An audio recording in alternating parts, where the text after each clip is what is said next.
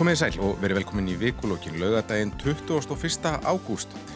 Menninganótt hefði alla jafna átt að fara fram í dag en var aflýst annað ári í röð, í röð sem og Reykjavíkumarathonu. Það kom þó ekki veg fyrir að ég ræki mér næstum í nokkra metnaða fulla langklaupara á langkólsveginum í morgun sem hlutu hlupu sitt marathón hvað sem tautar og raular. Gæsti mínir í dag eru þau Una Sigvardsdóttir, fyrirvendi bladamæður og upplýsingafulltrú hjá NATO í Afganistan, Stefan Pálsson, sakfræðingur og fyrirvendi formaður samtaka hernaðar anstæðinga og Þórlundur Kjartarsson, pislahundur á frettablaðinu. Verið velkominur saman. Takk. Um, Afganistan setti mikið svip á frettavíkuna eftir að Talibana náðu aftur völdum þar á undra skjótum hraða uh, í kjölfarið og brottkvarfi bandaríkihers. Atbyrður á sem verist hafa komið flestum í opna skjöldu þar á meðal bandarísku stjórnvöldum sem voru í kappi við tíman að forða sínu embatisfólki frá Kabul áður en Talibanar næðu undir sér borginni. Una, þú bjóst og starfaðir í Kabul. Hvernig hefur verið að fylgjast með þessar atbyrður ás? Eh, það er hægt að hafa mörg orð um það en það hefur verið mjög svimandi að fylgjast með þetta. Um, hins vegar þá finnst mér í rauninni, ég held ég að það komi ekki á óvart sko að Afganistan hafi fallið. Mm. Uh, ég held að það ekki átti þurfa að koma einum á óvart. Það sem að kemur á óvart er hraðinn á því sem það gerist en eins og það horfið mér þá held ég að stæsta svari við því hvers vegna þetta gerist svona hratt er vegna þess að við fórum svo hratt. Þannig að það má alveg spyrja hvers vegna dró herlið þessi burtu svona hratt. Allavega þegar ég var þannig að þá var svona talað um það í hálkjæringi en samt ekki.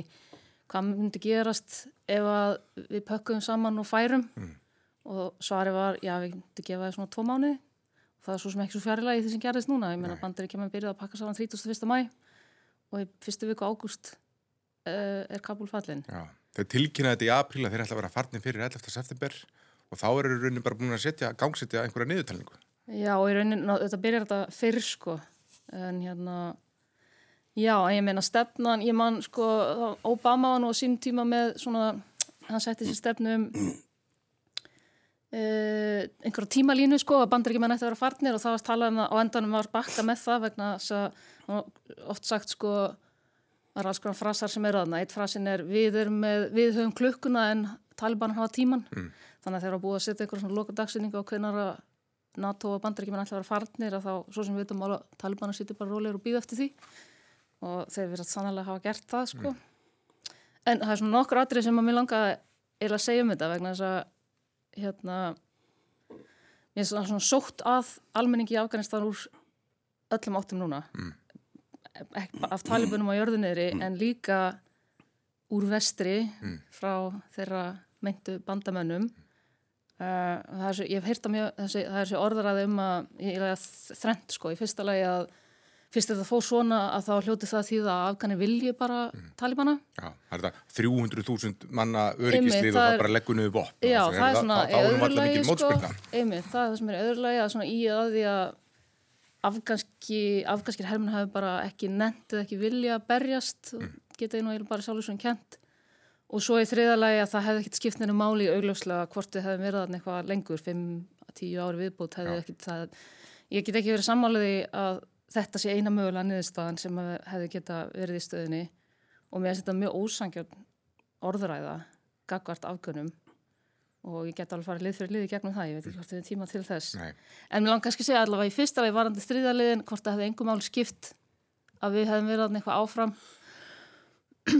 þá fyrst mér að við þurfum að horfa til þess að næstu 70% af agursku þjóðinu er umt fólk undir 30, mm. fólk sem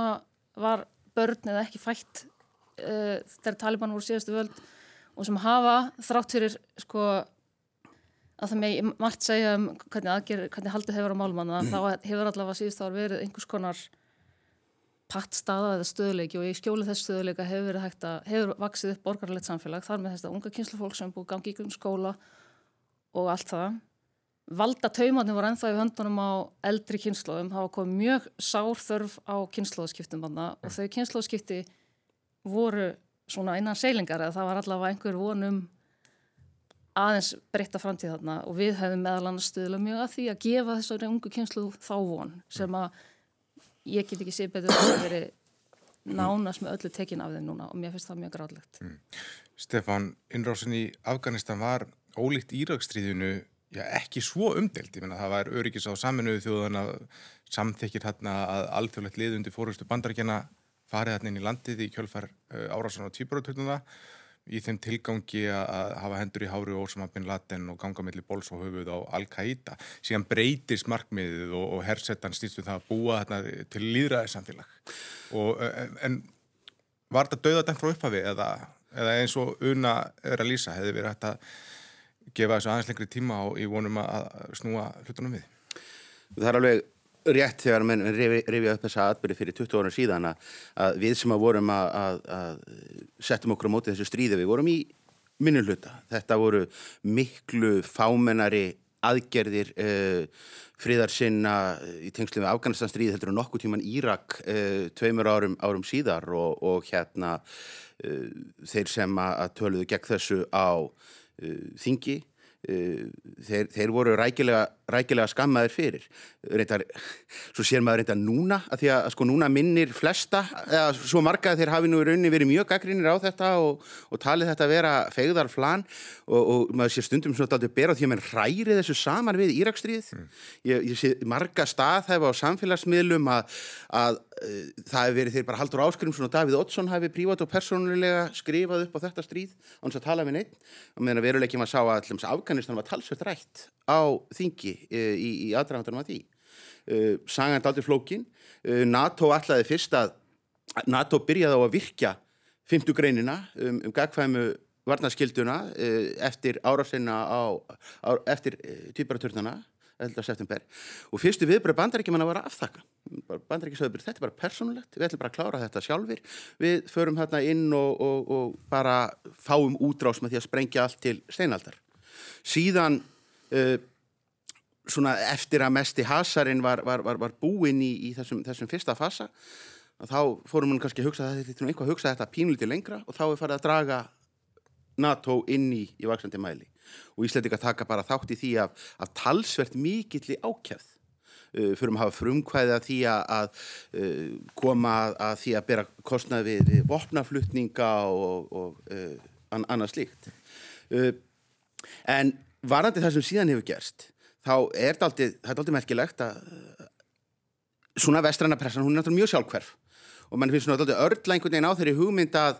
að bara svona fólki í Afganistan hafi svona einhvern veginn bara skuldi okkur það að, að, að hafa nú svona barist til málamynda í einhverjar vikur eða mánuði í viðbót og, og, og helst um sko hvert götuhorn í Kabul til þess að tryggja allt verið nú örglega í rúst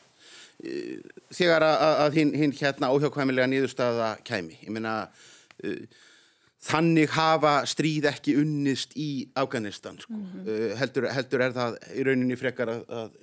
óvinnarlið er komið að borginni og, og svo bara setjast með nýður og semja við öldungaráðið og, og hérna og, og leggja þau jafnvel nýður nýður vopn. Ég er algjörlega samanlega þess að það er ósangjent að ætlast til svo krefist þessu almenningi þannig að þau væri að halda áfram að berjast veist, það voru ekki þau sem að gáist upp það var erlenda herliði sem í raun gafst upp og, hætt, og hætta nennisu sko. All, allar vanga veldur um það að þetta hljóti nú að vera bara alveg liðónýtir hérna herminn, það var, það var hafa aldrei neginn áallum sem að gæt með því að halda þessu. En það sem er nú kannski uh, sem að mér veist einlega mest sjokkrændi er það, hvað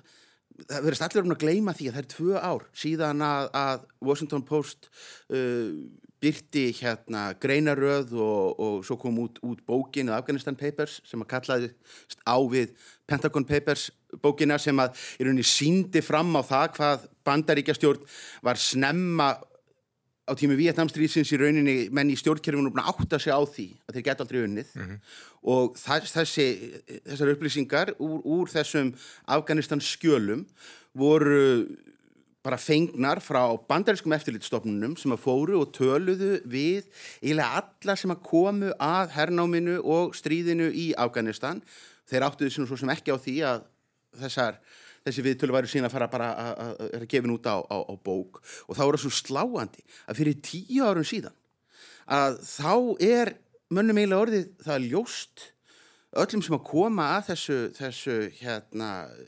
kerfi þarna að þegar að bandaríkin fari að þá muni þetta hrinja eins og spilaborg. Það sé engin áætlun ótrúlega beitt gaggríni á það hvernig staðið hafi verið að öllum málum þarna á svæðinu. En svo verðast með einhvern veginn bara komast þeirri nýðustu að það sé alltaf pólitíst auðveldast. Það sé pólitíst auðveldast að bara láta þetta lulla áfram og henda peningum áfram í hýtina Þannig að, að þú gefur ekkert fyrir það að þetta hefði með því að býða eftir skiptu með einhverju slíkt að þá hefði... Ég ég, ég, ég, það, þú veist, það, það voru ekki, ég meina og ég, hef, það er unni bara orð, sko, þessara, þessara fórstumanna, mm. hérna, þessara stjórnenda bandaríska herliðsins þarna úti, að, og, og það er svona farið yfir það hvernig svona, menn voru alltaf að reyna að taka jákvæðast að spinna á alla þróun, þegar að sjálfsmórsprengju árásir fara að hefjast að nýju í, í Kabul þá er það tekið til marg sem það að talibanar sjóðnir örvendingafullir mm. þegar að árásum fjölgar í landinu að þá útskýri Pentagon að það sé raunin ekki svo slæmt að það síni bara hvað menn hafi yfir mörgum skotmörgum að ráða. Þannig að það sé rauninni það að séu fleiri árásir að það sé rauninni bara betra. Og svo víður og svo víður Mér er samt að það þurfa að halda eitthvað haga að það breyttist eh, sko, í fyrsta lagi þá er þetta sagt að þetta sé ekki 1-20 ára stríð heldur 21 árs stríð. Vegna þess að það hefur verið alls konar káos í stefnumótun og margt sem hefur hægt að gera svo betur. En það má halda í haga að missjónið breyttist sannlega þarna 2014-15 og síðan áslokk 2015 hefur NATO ekki verið í svo kallu combat missjónið þarna. Og það var meðal annars við að það búið að segja ítrekkað og margótt að það væri ekki hernaðar lausn mm. á ástandinu í Afganistan. Mm. Þannig að þar með byrjar miklu meira ebling á þjálfun og bara ráðgjafar stuð, stuðningi sem að mér finnst að sko var ekki full reynd, það var ekki fullkomin útgáfa af því en ef þú ætlar að byggja upp samfélag sem er í rúst þá tekur það bara lengri tíma heldur en þetta. Mm. Hvað segir þú, Þórlundur, hvernig horfur þetta við þér? Sko ég hef ekki, hef ekki komið til Afganistan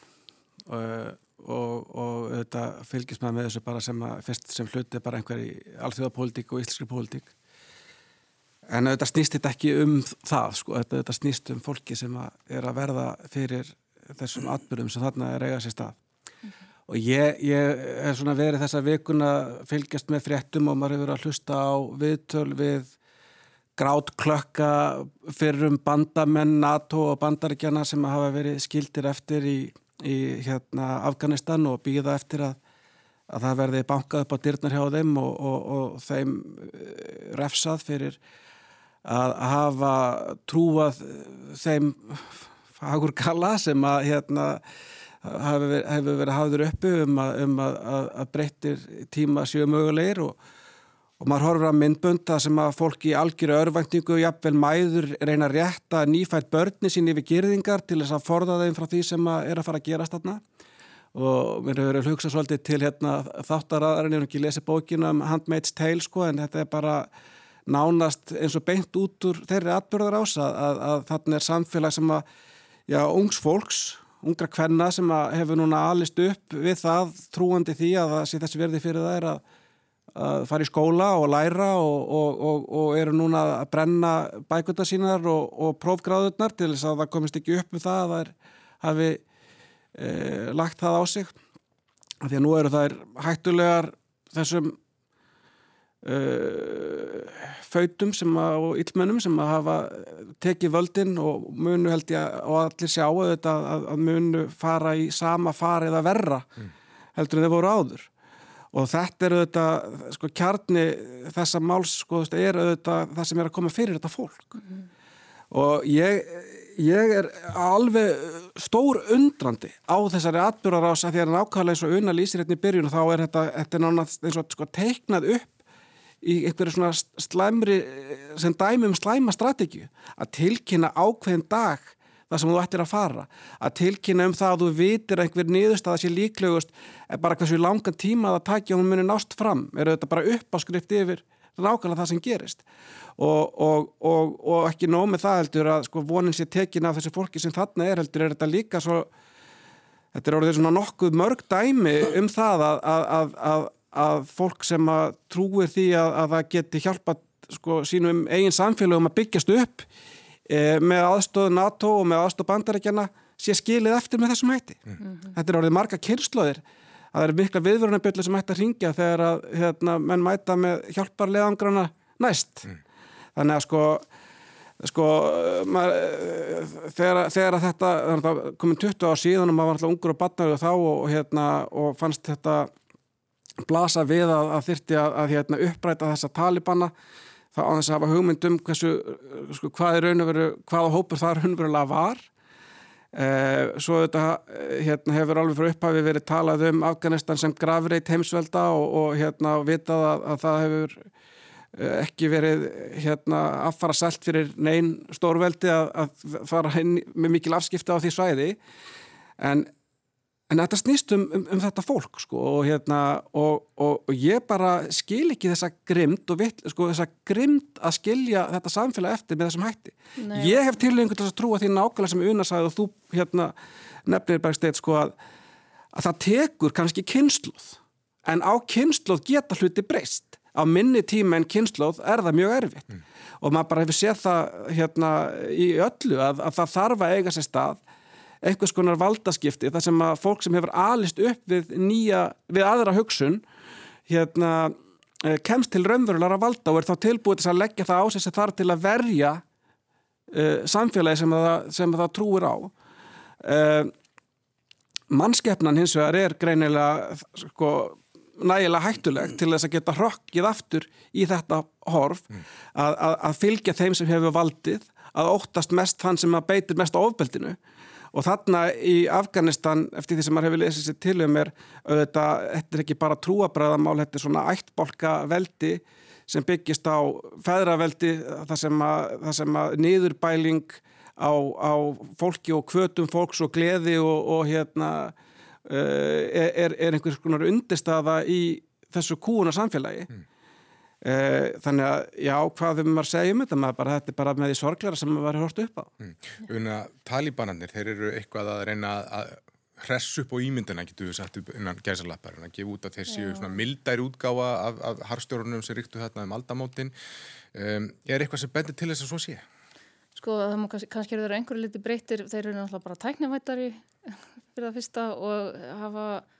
held ég uh, eru meðvitaður um svona PR bara líka mm. En hérna, en svo eru þeir líka þeir eru ekkit alveg miðstýrt afl sko. Það, og það getur verið misjand eftir hvar í landinu þeir eru og á hvaða þrefi í valdastíðan þeir eru, hvernig þeir koma fram með fólk. Og ég held að bara við ættum að taka með mjög miklum fyrirvara uh, allt það sem þeir segja. Allavega get ég sagt að þegar ég Ég var nú í fælgangu síðustu helgi og út, utan þjónustsvæðist þá með vilja gert vegna þess að ég var að svoast svo myndi ekki inn í þetta, ég fann að ég þurfti aðeins að kúkla mig út en þegar ég kom aftur í símsamband og þá var það fyrst að segja að kablu verið fallin og þá rann upp fyrir mér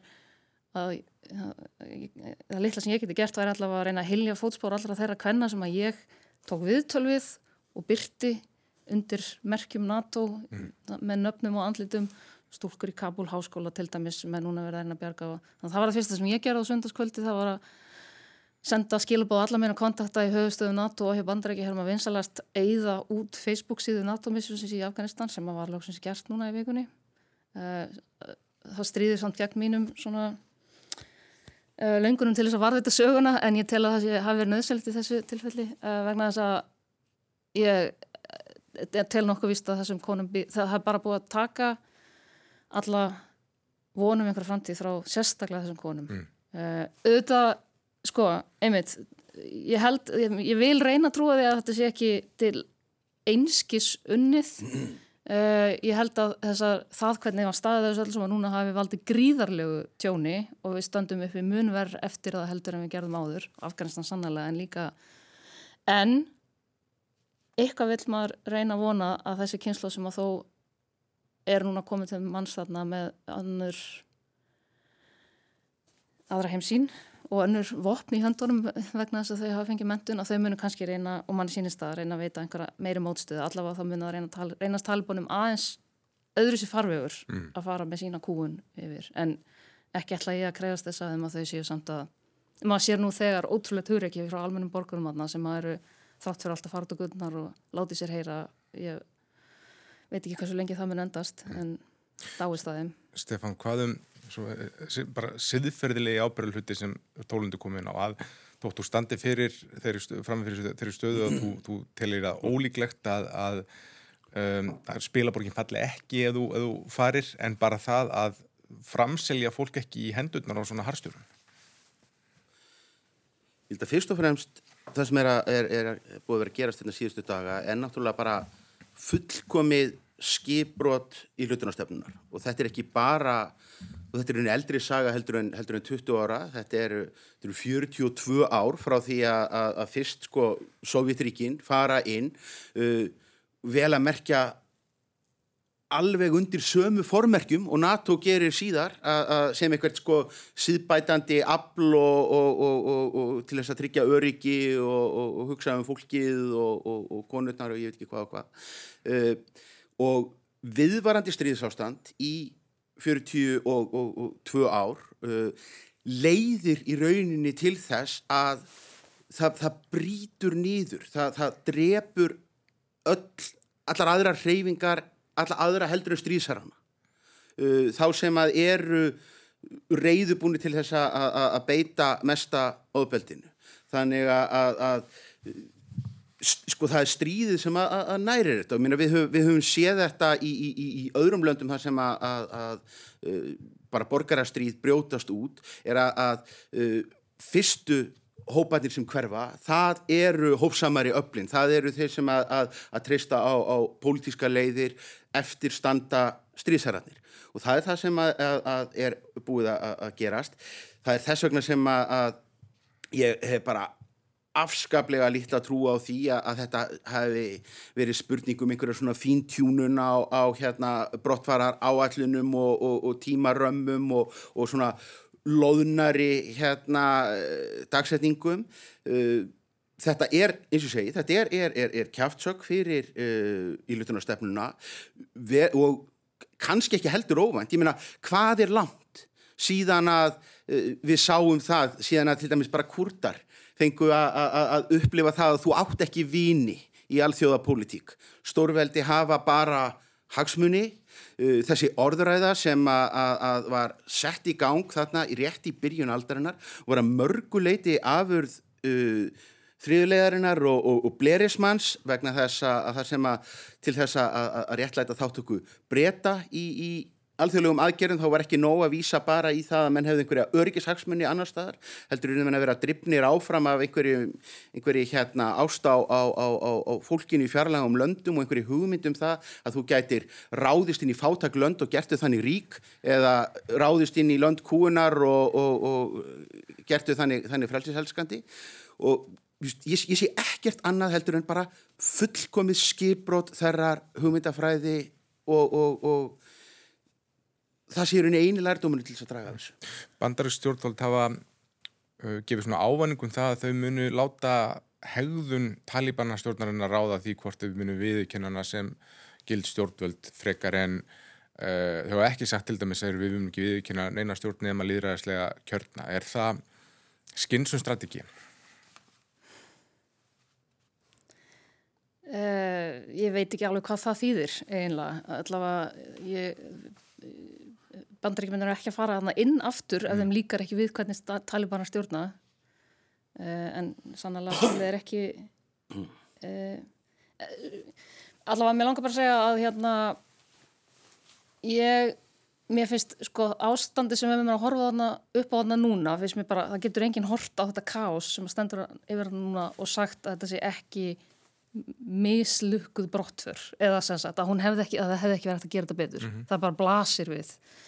síðan annarkort að hefði yfir höfuð átt að fara. Ég persónlega vil meina að það hefði ekki þurft að taka þessu ákvörðun. Eh, það er að nefna þetta er ekki alveg sambarlegt en það er samt alveg að nefna það svona að bandarækjumin hafa allmis verið í söður kóru allt frá lókum kóruustriðsins það eru sko 30.000 bandaríkjur herrmenn það búin að vera þar í 50 ár með mm. stöðuga viðveru í Þískalandi líka, ég meina stærsta samfélag bandarækjumanna utan bandarækjana er í Þískalandi herrmenn, það eru 40.000 herrmenn þar held ég, búin að vera síðan í setna stríði, þannig að það er ekkert fordama löst og í þessu sammingi þá eru 15-20 ár í Afganistan ekki langur tími mm -hmm. og þegar það tala um það sem einhvern veginn eitthvað eiliðar projekt sem að hafi bara verið augljóst að hafi misafnast, þá er ég bara ekki alveg sammála því. Þóldur, hvað séu þú, hvernig er þetta að setja einhverja klemmur á Já sko, mér finnst það alveg sko, kannski bara, þetta er, bara, þetta er mjög erfið og umræða en það er kaldrannaleg svona, eða svona, svona, svona köld uh, tilhugsun. Að halda sko að, að það sé að, að það sé ekkert þetta að gera. Mm -hmm. það, mér finnst það óþægilegt. Eh, sko ég held að svona maður myndi skoða að, hvernig bandarækinn fara hann inn í Afganistan tíma, þá held ég að sé al, það sé alveg rétt að sko það var farið inn í einhverjum hemdarþósta og það var sprengjusýning sem var sett á fót og það var ekki það sem þurfti, það var, þetta var ekki í þáu afganskur þjóðunar sem, að, sem að þetta verkefni byrjaði Uh, og, hérna, og ég man alveg e- eftir því að, að, hérna, að það, voru, það, það voru tilfinningarna sem þá voru, það, ekki, það byrjaði þannig mm -hmm. hefnum okkar á þeim sem að skerði okkur eitthvað vond og, hérna,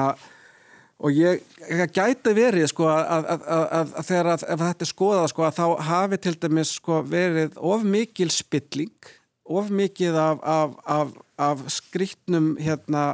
sko, þar sé að hjá hjá her, hersetuliðinu í tengslu við það að, að, að, að það hafi verið mjög lítið um svona sko,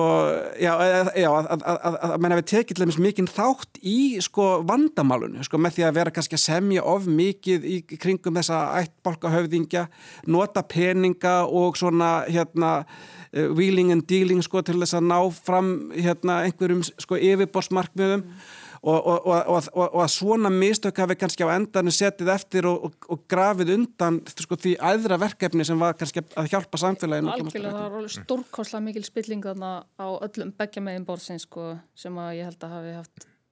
verið mjög stór hlutaði hvað sem þetta var, fór allt sem var út á spórinu eða í rauninni var út á spórinu frá upphafi. Og bara til að setja upphæðunar í, í samengi, ég, ég sá að með voru að reikna, þú veist, það, það tala um tvær uh, triljónir, þú veist, seg, segir mann ekki, ekki, ekki, ekki neitt, en, en sem sagt, kostnaðurinn við þetta stríð hefur verið áallaður og, og, og allt þetta verkefni í tengslu með Afganistan uh, frá hálfu bandaríkjana hefur verið ætlaður sem þúsund káranhugavirkjanir. Þeir eru þúsundsunum fleira við, þannig að við, við setjum svona svipa og við hefðum reist káranhugavirkjun til þess að sprengjana í lokin. Mm -hmm. Það hefðum svona allar kallað á nokkra leiðara í blöðunum og svona smá umræður í, í hérna í sjónvarsþáttum um hvort þetta væri nú alveg besta leiðin til þess að meðhendla fyrir. Og þessir peningar, þeir voru ekkit að, þeir enduðu ekki nema að sko litlu leiti í vösunum á einhverjum sko spiltum afgönskum leittóum. Mm -hmm. Oppin af þeim fer til bandarískra hergagnaframleðenda fer til uh, fyrirtækjana sem að leggja til málaliðana eftir að menn ákváðu að það væri svona pólitíst betra að vera með leiguhermun sem að færu ekki inn í einhverju ofinbæra statistík yfir, yfir uh, fallna uh, bandaríkjaman uh, og þar, þar fram til göttunum. Lýsingarnar sem að komi aftur að þessum sko, Afganistan skjölum á stefnuleysinu eru er, er alveg, alveg magnaðar þegar að eitt árið ákveða breytar að borga bændum fyrir það að, að brenna opiumakrana sína. Af því dróðum en þá álöktun að þeir náttúrulega bara tvöfölduðu agrana fyrir næsta ár mm -hmm. til, til þess að fá, fá stærri tjekka. Og þá var skiptum strategi og, og, og allra slefa brent bóta löst og þá fóru bændurnir og gengur til þess við talibana þriðja árið þá var ákveðið að dæla í, í, í fá alla til þess að rækta kveiti og, og, og láta það fá nóg af, af, af áburði sem var seldur í sprengjugjærð og svo, fram, og, já, og svo framvegis og svo framvegis og svo framvegis. Og nýðustafin er svo að við erum bara með met hérna opium framleiðslu í, í landinu núna. Aftur, hvort að talibanandi núna, eins og við sögum á þann var þetta 1-20 ára stríð eða 21 ára stríð veist, árið er ekki 1996 uh, og það er nú kannski ég, vonandi ég meina, talibanir eru þráttur allt ekki teiknum þetta íllmenni þeir eru hópur sem að er búin að ná núna völdum yfir landi og hefur væntilega einhver áform um að gera það áfram. Og þeir hljóta að reyna að, að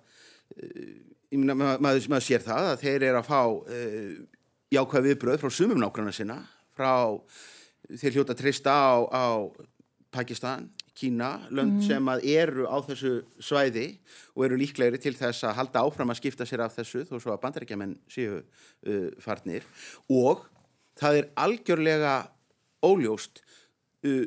hvaða möguleika svona afl hefur til þess að, að uh, halda völdum og, og, og ríkja og ógna þegar þú ert ekki í landi sem er í stöðugustrið. Mm -hmm. Býðum við þetta uh, næstu skrifa frá flótamannanemndin hérna heima á Íslandi, það kemur í ljósis í næstu vikum. Já, hún hefur skilað af sér tilögum. Já, og ríkistöðinu er það til. Já, til ég held alltaf að eða má vera einhver niðurstaða í þessu, þá hérna... Uh, í fyrsta lagi að það er svo sannlega ástæða til þess að skoða og ég vona að bandaríkjumenn og við öll sem tókum þátt í þessu skoðum það með mjög gaggrinnum augum allt það fjölmarka sem hefði geta farið betur mm. uh, til framtíðar. Narratífan af hálfu bandaríkjumanna finnst mér vera ansi einföld núna og, en hitt er að við hljótum að vera ábyrð á okkar þáttöku í þessu og verðum að gera það sem við getum til þess að styðja við þetta fólk þarna. Staðrindin er svo núna að talibanar hafa stjórnina þarna, við verðum bara að lifa við það núna og reyna að vinna með því, það, það gagnast ekki Afganistan allavega að bara snúa baki við því og fylgjast ekki með hafa ekki hérna nálarveigað á talibanum núna mm. og beita alltaf því þýstingi sem við getum til þess að þeir allavega reyni að stýra vel. Og, og nú er maður fréttir að það sé hungusnið yfirvandi í Afganistan. Já, og nú allt annað. Og nú allt annað og ég hef því miður ekki tímiða núna en og svo fellur hæti í skutkan á þessu öllu saman skellur og jærskelti þar í sömu viku og, óskupin dynja yfir í Afganistan en við, við gefum því tíma síðar. Eða þið voru að koma við, viðtækjarum það eru að hlusta á vikulokkin gæsti mínir eru Stefan Pálsson, Una Sikvarsdóttir og Þorlindur Kjartansson. Ég vil koma engað aftur heim. Uh, Stjórnvöld leikja nú undir feldi áður við skera úr um framtíða fyrirkomulag sótvarnar aðgerða. Þórólu Guðnarsson hann sendi minnisblæði vikunni þar sem framkoma ekki var hægt að aflétta aðgerðum á meðan faraldur geysar í heiminum hans mati og laði til svona sínartilugur. Ríkistóttin ákvaða e, tilgjitt í gæra, hún ætlar að slaka á reglum með sótkví til að litka á fyrir skólastarfi og fá eðlilega gangi í samfélagið og fjölskyldu barna sem fara í sótkví sem fara í sótkví, þau þurfi ekki að fara endilega í sótkví og svo framvegis og svo til skoðunar og nota hraðpróf. Já, hvað segir, hvernig, hvernig líst ykkur á framtíðar horfinar, Stefan? Ég, ég var svo, svo gladur að við ætlum að hætta að tala um þess að stríð. Ha, getur ekki freka fyrir að ræða það hvort að söðustranda við og sé hættu? Nei, nei e, e Sko ég, ég, ef það er einhvað sem er, er ljóst og þessi faraldri hefur kent okkur er það að, að sko all, allir sko, spádómar og, og, og spekulasjónir í svona spjalláttum eldast mjög ill. Uh, við minna við erum, við erum, erum að sjá það að, að sko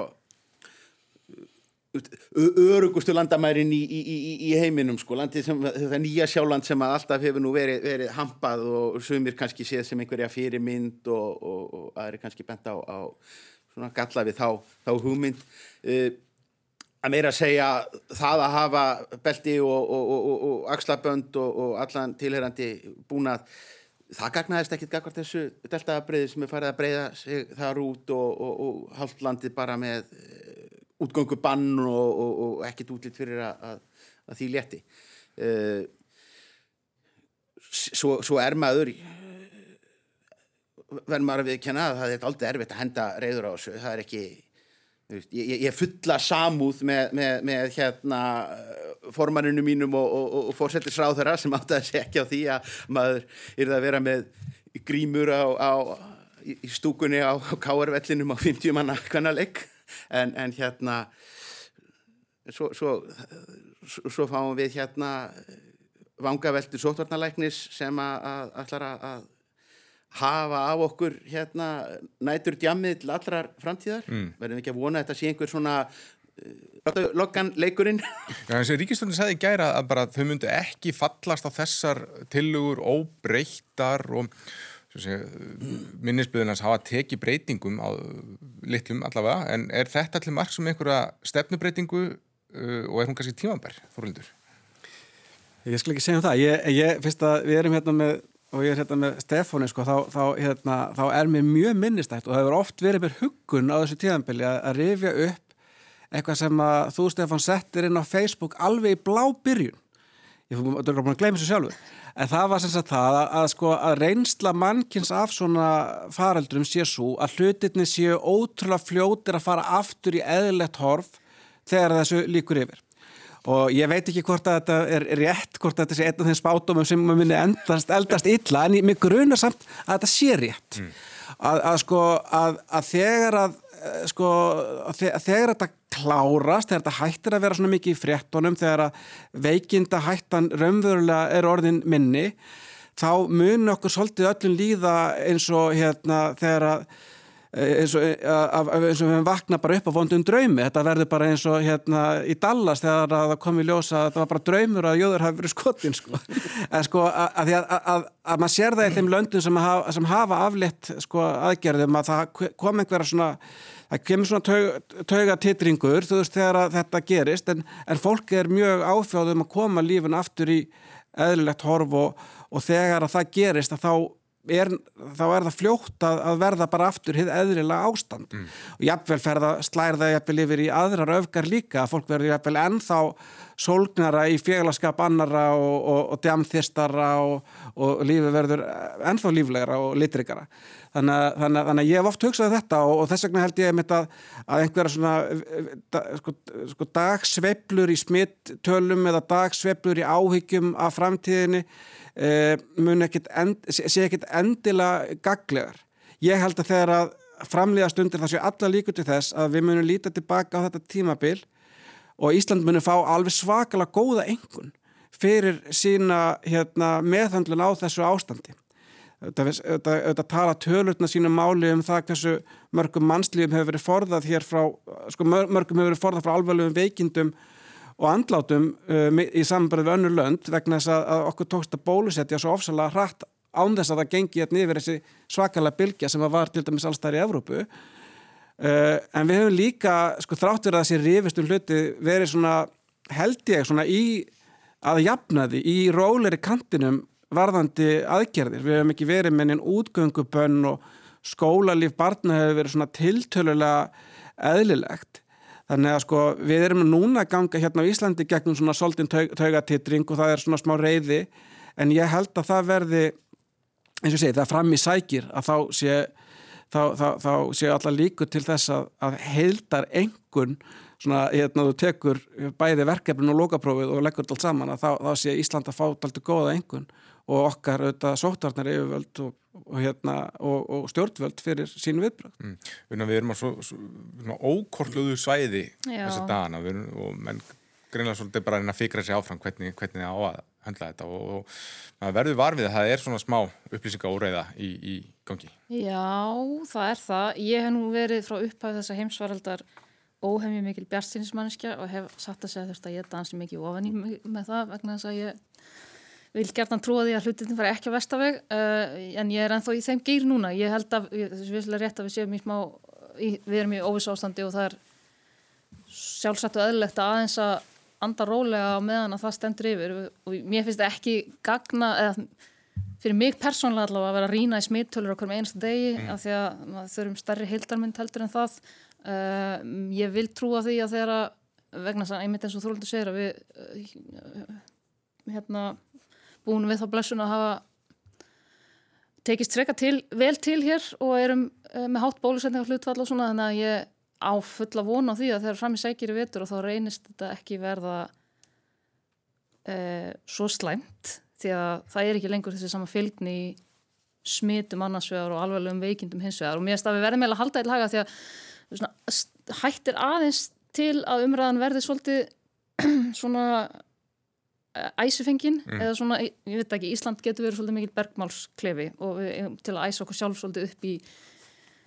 hérna og mér finnst að þurfum að halda eða haga uh, hvað þessar bólusetningar skipta miklu máli mm. og það er að skila árangri og bara við þurfum að það var mjög mikið tröst ég flutti hingað heim til dæmis frá Georgiu í november uh, og í Georgiu það sem ég bjó er mjög gríðalegt vantröst á stjórnvöld og allt yfirvald og mjög hátt uh, vantraust slutfall á bólusetningar sem er vandamál þar. Þannig að við mögum þakka fyrir það að hér er svona tristir fólk í kerfinu, uh, kerfið hefur sínt að það er hægt að trista því og mér finnst að við hefum ekki grafið undan þessu trú á bólusetningarnar. Mér finnst svona aðeins þessu umræðin hefur svona uh, farið aðeins í þátt að, sko, að gleymum því að, að bólusendingarnir er að skila árangri. Uh -huh. það skiptir máli að halda til hafa á, á svona tímum þá skiptir máli að vera með stjórnmálamenn með sterk bein og sem fari ekki á taugum þótt að almenningsálítið seiplist og svo leiðis það er erfiðara þegar það er mánuð öllu kostninga Þið heldur að sé svona Já, einhver... ekki verður maður reynda mikið varfið að sé mánuður til kostninga uh, og hérna ég er eiginlega bara voðalega gladur ef að getur farið bara ef að, ef að, ef að stjórnmála umræðan erði einmitt stjórnmála umræða, ekki bara einhverjar fabulasjónir út frá nýjustu tölum. Það er erfitt, ég meina ég man fyrst eftir hrun, þá allt í einu vissi maður allt um lánsæfismöt og skuldatryggingar álag, ég lessunalega búin að gleima því öllu núna aftur sko, þannig að vonandi verður þetta með smittstöla og svona einhvað sem maður verður búin að gleima eftir, eftir fáin ár. Uh, ég maður getur heldur ekki séð sko auðvitað eru sko flokkarnir í minna og kannski flokkar í, stjórnarhansstöðu alveg á fullu að uh, hugsa sko, getum getu við notað þetta einhvern veginn, getum við bóðið fram einhvað prógram, ég get ekki séð að nokkurum sé að takast það, fyrir utan kannski Ingu Sæland í flokki fólksins sem að vill að ég ennþá taka eigilsall undir einhverjar hérna reysastóra einakronabúðir mm. uh, ég, ég held að það verði, verði hérna og eða bara sem betur fer þá, þá, þá, þá, þá munir það ekki reynast neinum flokki sérstaklega happadrjúkt að fara að reyna að grugga vatnið í, í varandi sko sótvarnarástafinir hér í þessum, þessum kostningum. Mhm. Hvað held, heldur þú einhver töga tittringur út af kostningum, yfirvondu kostningum hefði áhrif á áhrif á, á svona bara breytni manna í, í Varandi, í, í sótvarnaraðgjörnum til þetta? Ég er svolítið sammála því að það verðist nú ekki verið að gerast en ég, þetta, ef maður verður varfið það og það er bara mjög eðlilegt og jákvægt að það að verður kannski aðeins harðari umræð og gaggríni og menn rýfast svolítið um það hvað er rétt að gera og hvað er rétt að gera og, og það væri bara ekki góðs viti ef, svo, ef, ef, ef að slík umræða væri ekki komin upp á yfirborðið uh, en þetta er þetta ekki kannski beinlínis sko málefni sem að sem að, það, sem að, það sem er einhverju svona flokk, flokk, flokkadrættir ráða afstöðum hann sko. þetta er svo bara personubundi hvernig fólki líður með ástandið að, að hérna, ég, ég, og ég held að sko að að það sé ákala lítil stemming fyrir því að það sé einhvers konar að þau sé verið að færa þetta einhvern veginn yfir á flokkspolítiska level sko mm. umræðina sko jafnvel getur fólk verið sammála og ósammála því hvað stjórnmálumennum finnst en það hefur náttúrulega verið svona helsta hérna akkirað okkar í þessum faraldri að, að, að, að hlusta eftir sko umræðið þeirra sem eru sérfráður um málefnið sko. þó að því end séu þetta sko pólitist mál en, en þannig að já ég, ég, mér, ég held í sig svolítið sammála Stefánum það sko að það sé ekkit endilega líklegt að að þetta verði mikið, að veiðist mikið á þetta málefni í, í kostingabartu mm. En hvað segir eins og um að tilugur Þóról sem segir bara 200 manna bann útvetturinn eða á meðan faraldur geysar veitikastæði loka klukkan 11 um, og, og ef, ef skimunarkerfið ræður ekki við, land, við á landamærunum þá þurfum bara að, að takmarka fjölda ferðamanna í landinu hverju sinni. Er þetta raunhæf framtíðasín? Já, eins og ég sagði á hann þá ég er búin að vera óhóla bjart sín með mína framtíðasín gegnum þetta allt saman. Ég, svona með það sem ég hef heyrt frá stjórnvöldum þá finnst mér á, alveg rétt þeirra viðbröð segja, jú, ég menna vissulega, sko, Þór, hlutverk Þóróls er náttúrulega að vera sótarnalegnir mm. og hans ber, honum ber að leggja til, ég segi ekki endla allra hörðustu aðgerðir en bara, það er hans hlutverk, síðan er hlutverk stjórnmálamann að meta það og mér heyrst að þau séu kannski ekki alveg tilbúin að að festa eitthvað svona langt fram í tíman sem ég held að sé bara mjög raunhæft. Við höfum hingað til verið að meta aðstæðu svona eftir því sem bara þessu vindur fram og ég held að það sé farselt að halda því áfram þetta taka bara áfram inn í reyningin það sem að sérfræðingar segja en hérna ég held, eða mitt allavega persónulega mat er að það sé öllum samfélagum til góða að uh, hafa takmarkarnar og frelsi fólki eins miklu lámarki á hægt er með að við bara aðstæða hverju sinni. Mm. Menn er eitthvað að opna hraðpróf núna, sjáu þið fram á það að þetta við verðið í, í eigilsvöllega hörpu að stinga pinn upp í nefið okkur eftir fyrir leik og, og tónleika.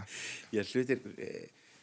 breytast. Þetta verðist vera mjög útbreytt mm. uh, í, í landunum í kringum okkur. Þannig að maður er nú pingulítið hissa ef það myndi ekki koma hingað ef að, ef að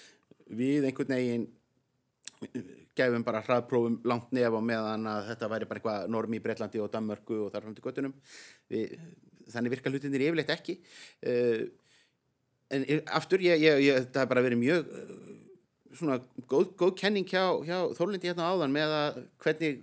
við munum fá góðan dóm uh, hérna svona í baksinspeklinum og ég ég tengi þetta alltaf við það við kunnum að keira í hálku. Og hvernig, hvernig, hvernig keirir maður í hálku? Sko? þú, þú neglir ekki niður. Þú bara svona þú, þú hérna smá sveigir og, og, og leifi, leifi stýrinu aðeins að rása og rétt tipplar á, á, á bremsuna. Og þannig höfum við farið í gegnum þetta. Við höfum ekki farið í gegnum þetta með því að, að uh, setja einhverja línu og, og ákveða marga mánuði fram í tíman eða þegar að staðan verði orðin svona þá munum við gera hlutina nákvæmlega svona og svona og svona. Það er náttúrulega pingu erfitt fyrir þá sem eru mjög rúðustrykkaðir og, og vilja bara hafa þennan, þennan fyrir sjáanleika sem að það er alltaf, alltaf talað um í, í tengslu þennan faraldur. En einmið þetta að svona spila þetta eftir, eftir eiranu uh, virðing mín fyrir bara fyrirbærinu sko sóttvarnalækni og, og þeim fræðum öllum saman hefur, hefur vaksið gríðarlega vegna þess að þetta er nefnilega öfugt við hefðbundna læknisfræði mm. þá erum við hérna með svið sem að þarf að taka inn í svo miklu fleiri þætti mm. þú ert líka að hugsa um það að það eru ákveðnir efnaðarslegir þættir þú þart að hugsa um það að þú ert að vinna með samfélag þar sem að hluti af fólkinu er bara verulega sjúkdómar hrætt og er bara til í að grípa til hörðustu aðgerða á meðan að aðrir eru afskaplega afslappaðir og mjög fljótir að svíkjast undan og þú þarf að balansera mm -hmm. og það finnst mér bara að hafa tekist alveg lígilega ég hefði ekki trúað í að, að sótvarnalæknir yrði eða uh, superstjarnar og farin að syngja í skemmti þáttum og, og, og vonandi gerist það ekki aftur, vonandi verður við bara jarðfræðingar og handbóltaþjálfarar og, og skákmenn aftur hetjur á, á, á, á Íslandi en bara er að meðan en, en eitt af því sem þarf að ganga upp til þess að sé þetta slæk á einlands það er að, að það þarf að jafna þess stöðuna á uh, landsbytalanum, það þarf að vera borð fyrir báruð þar og nú í vikunni þá bárust við eftir að því að, að hætti að leita til einhver gerans, klíningarinn á fleiri eftir hjúkurnarfræðingum og það hefur verið að leita hjá starfsmannalegum erlendis eftir hjúkurnarfræðingum heim.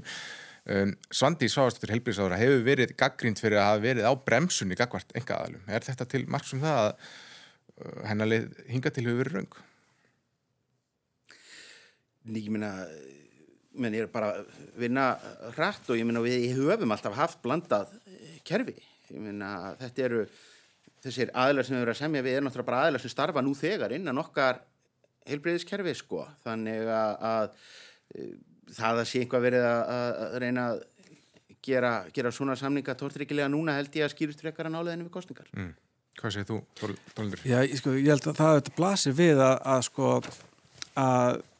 samfélagið á bara rosalega mikið undir því að hérna, starfsfólkið á landsbytalanum uh, finni lausnir á því sem að höndum ber varandi faraldur og annað. Mér skilst að það sé nú bara mjög algengt á þessum ástíma að það sé mikið álag og ofmikið álag á spítalanum en maður hefur séð að undarfarta daga að það er greinilega mikill metnaður sko, að leysa vandamálið. Þetta er ekki öfunnsvert fyrir fólki sem er að standa þarna í alveg afskaplega erfiðri baróttu uh, og, og, hérna, og, en ég held að það sé bara algjörlega örugt mála. Það eru allir að leita, allir að mögulega að leiða þess að láta það geta gengið upp að samfélagið geti sko, komist í sin eðlilega hausttakt með skólum og, og smám saman í meiri, hérna, meiri eðlilegt horf og þar gegnir þetta heilbyrðiskerfið algjörðu líki eh, hlutverki og, og mér sýnist að það sé bara gert að miklu stolti og, og metnaði að reyna að, að tryggja það. Ég held að sko við séum bara á tímabili núna þar sem að við erum svona, að við erum að leggja á haf núna með hérna bólusetta samfélagið og það er bara, það er svona ákveðin taugafeklun að mun, mun þetta halda. Mm. Er, er, er lekin of mikil og, og þetta er í gangi bara, við, við verðum bara að sjá það og ég held að sem betur fyrir við erum búin að sjá núna að að sko þó, þó, þó að við séum með þessi þennan fjölda smita daglega þá er sko álægið sko það er mikið en það er ekki, það er til dæla stöðugt enn sem komið er eins og á sjúkurásinu og þá kannski skapast eitthvað jafnvægi en það er alveg skiljanlegt að það sé taugaveiklun um það hvort þetta muni halda og við erum í þeim fasa núna þannig að hérna, en, en ég held að það sé alveg örugt mál að það, það, að, sko, það er á öllum stöðum eru allir að reyna að leysa vandamál mm. það er engin held ég það er engin að, að hérna, kerkja eða, eða, eða, eða einhver pólitík í því sko, ég held að þetta sé bara að, þetta er bara þannig verkefni að það eru bara, við erum öll saman í þessu mm. Ertu, ertu ja, bjart sín á þetta? Þetta ekki, að leysa mönunavandan Já, á landsbyttalinu? Ég er að, sko, treysti mér nú ekki að til mig ekki verið aðstöð til að hafa tjá mig mikið um sko rekstra frá landsbyttalins eða helbriðskerfisins, en hins vegar þá hef ég mjög mikla trú og tröst til starfsfólks í helbriðskerfinu og, og hérna þetta er þetta mál sem varðar okkur öll en, en hérna ég tek bara ofan fyrir þeim, ég veit að það er gríðalega mikið mætt á þessu fólki í mjög langan tíma núna mm. og já Við erum búin að taka Afganistan og, og COVID, allir við þurfum ekki að lemna aðeins lofslagsmálinn til þess að svona, ná einhverju allslemmi hérna í, í, í erfiðum málefnum um, þau hafa verið mikil umræðu svona loksins aftur eftir að umræða, eftir að skýsla EPSC kom út í síðustu viku, nýjasta skýsla þeirra. Það byrtist frétti gærum að Íslandingar væri svo þjóðinnan evrópska efnahagsæðinsin sem losaði mest af gróðurhúsa lofthugundum árið 2019 á hvern íbúið þar að segja. Heildalósunin hér á landi á fimmsnu meiri en meðalósunin í Evrópussambandinu og umræðan er ofta þann vega að við erum með, með hittaveituna, við erum með, með fram, framleiðum rafmagn og sjálfbaranhátt og það kemur kannski mörgum og óvart að heyra þetta, við séum svona rosalegi sóðar, en þetta náttúrulega er aðalega, við erum svo gróðusnöð.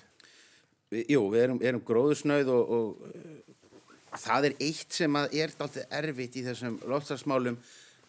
hvað þau detta sko oft yfir svona tæknilega servitu reikninga. Að svo kemur þú og notar svo notar þú aðra kríteríu til þess að mæla og þá lítur ástandið miklu miklu betur út. Og, og ég, einmitt, mann man er bráfið að sjá þetta og ég fór að og hérna, svo fikk ég útskýringu frá manni sem starfar inn í þessum gera sem að bendir á sko að því að við skilgreinum svo mikið land sem hérna beitarland mm. þá, þá reiknast öll losun sem á sér stað á öllum þeim hekturum inn á okkur þó að auðvitað sé náttúrulega megnið að þeirri losun ætti sér stað þó að enginn sögkinn tvengi að fara inn á, á, á svæðið þannig að, að bara ef að við myndum hætta þeirri beitt þá, þá, þá er því losunin nokkur teginn svo sama en við myndum skora betur á einhverju töflu og við þurfum svona pingulítið aðeins að minna okkur ábýtu í þessum, í þessum hérna uh, lóttasmálum skiptir nú ekki mestu máli í rauninni bara þessi hittamælir, þessi losunin frekar heldur en að reikna út sko hvar þú skorar í einhver, einhver, einhverju töflu. Mm. Ég, ég, ég sá forsýðu bændablaðsins um daginn sem að útskýrði að íslenski kjúklingar væri með frábært sótspor. Og þá hugsaði bara flott áferði bara að borða íslenska kjúklinga. Svo var útskýrt. Það er vegna þess að þeir eru sko fóðræðir á innfluttu hérna fóðri og framleiðslan á fóðrinu hún tikkar erlendis já, já. veist, þannig að hérna ég, ég, ég, ég er mjög, mjög margt í þessari loftasumræði þá þarf maður svona pingulítið að hjartengja sig mm -hmm. og hugsa hvenar erum við að gera einhvað raunverulegt og hvenar erum við bara að falsa bókaldið mm. því að, að, að við lendum jafn mikið á, á, á, á kafi í hérna hækkandi sjávar sko þó að, að við höfum frábært falsað bókald mm -hmm. Þetta er orðið erfitt að henda reyður á þessu. Hvað, hvað á maður að gera? Hvernig get ég lifa digðu lífi og lagt nýtt að mörgu? Aldeilis og hérna og þetta er auðvitað eitt af þessum málum sem að, að, að vísindin eru svo flókin að það er enginn sem skilur þau eða mjög fáið til bóts en samt er allir allast þess að allir taki fullkona afstöð til þeirra sko en ég er svolítið hallast að því að þetta sko hegðum fólks þetta, maður veit alveg sko ef maður ætlar að taka þetta á sínu eigin með, með sínu eigin persónulega höfum þá veit maður auðvitað það bara að skáti er nýtin og hérna, veist, það að lifa einhvern veginn þannig að maður sé sem minnst að, að menga út frá sér er bara, held ég, bara eitthvað svona svona siðferðsli skilda sem að hérna, sem óháð þessari umræðu sko en mm. En já, já, við hljóttum ekki að bæta einhverjum fleiri hörmungu við hann að þátt. Ja, tímin er að hlaupa frá okkur en ég veit ekki, já ég ætla nú rétt svona í lokin kannski bara að spyrja hvernig helgin horfur við ykkur unna? Uff, Uh, ég kannski rétt segjum við loftslagsmálum að það er með þetta tegja og tólka þetta ímsar áttir en ég held að þetta sé samt á, getið áminning fyrir okkur Íslandinga að hætta svona að standa í þessari trú og við séum svona óbúslega mikið til fyrirmyndar alltaf. Mm. Það er bara ágætist grunnur til að byrja á að við tökum meiri svona ábyrð en helgin, já, svona, eftir þessa allslem hér, það kvallar að mér að fara bara heim og breyða fyrir haus sko. Leggja skast í tekjubluðinu eitthvað, þau komin út í vikunni? Nei, ég læt mér nú ekki mikið varðum það en ég held satt segja að ég ger það sem ég ger ofta ef ég langar aðeins til að tæma hugan og viðra mig þá fer ég í fjölgöngu í sund, það er nú bara planum eftir melkina held ég mm. Stefán, framarar komist í efstuli deldi í vikunni, þú ert, ertu enna að fagna? Já, og ég ætla að nota þessa helgi að horfa alveg rosalega mikið á fótballsta bara íslenskum og, og erlendum svo þegar ég finna einhvert ströym sko, hvort það sé ekki yngver að sína leik framstelpna sem er að spila á Húsavík mjög mikilvægan leiki í annari dildinni í dag. Síðan er ég búin að lofa með því að, að, að ná um þessa helgi eh, að fara á það er að loka, ljúka hérna myndlistasýningu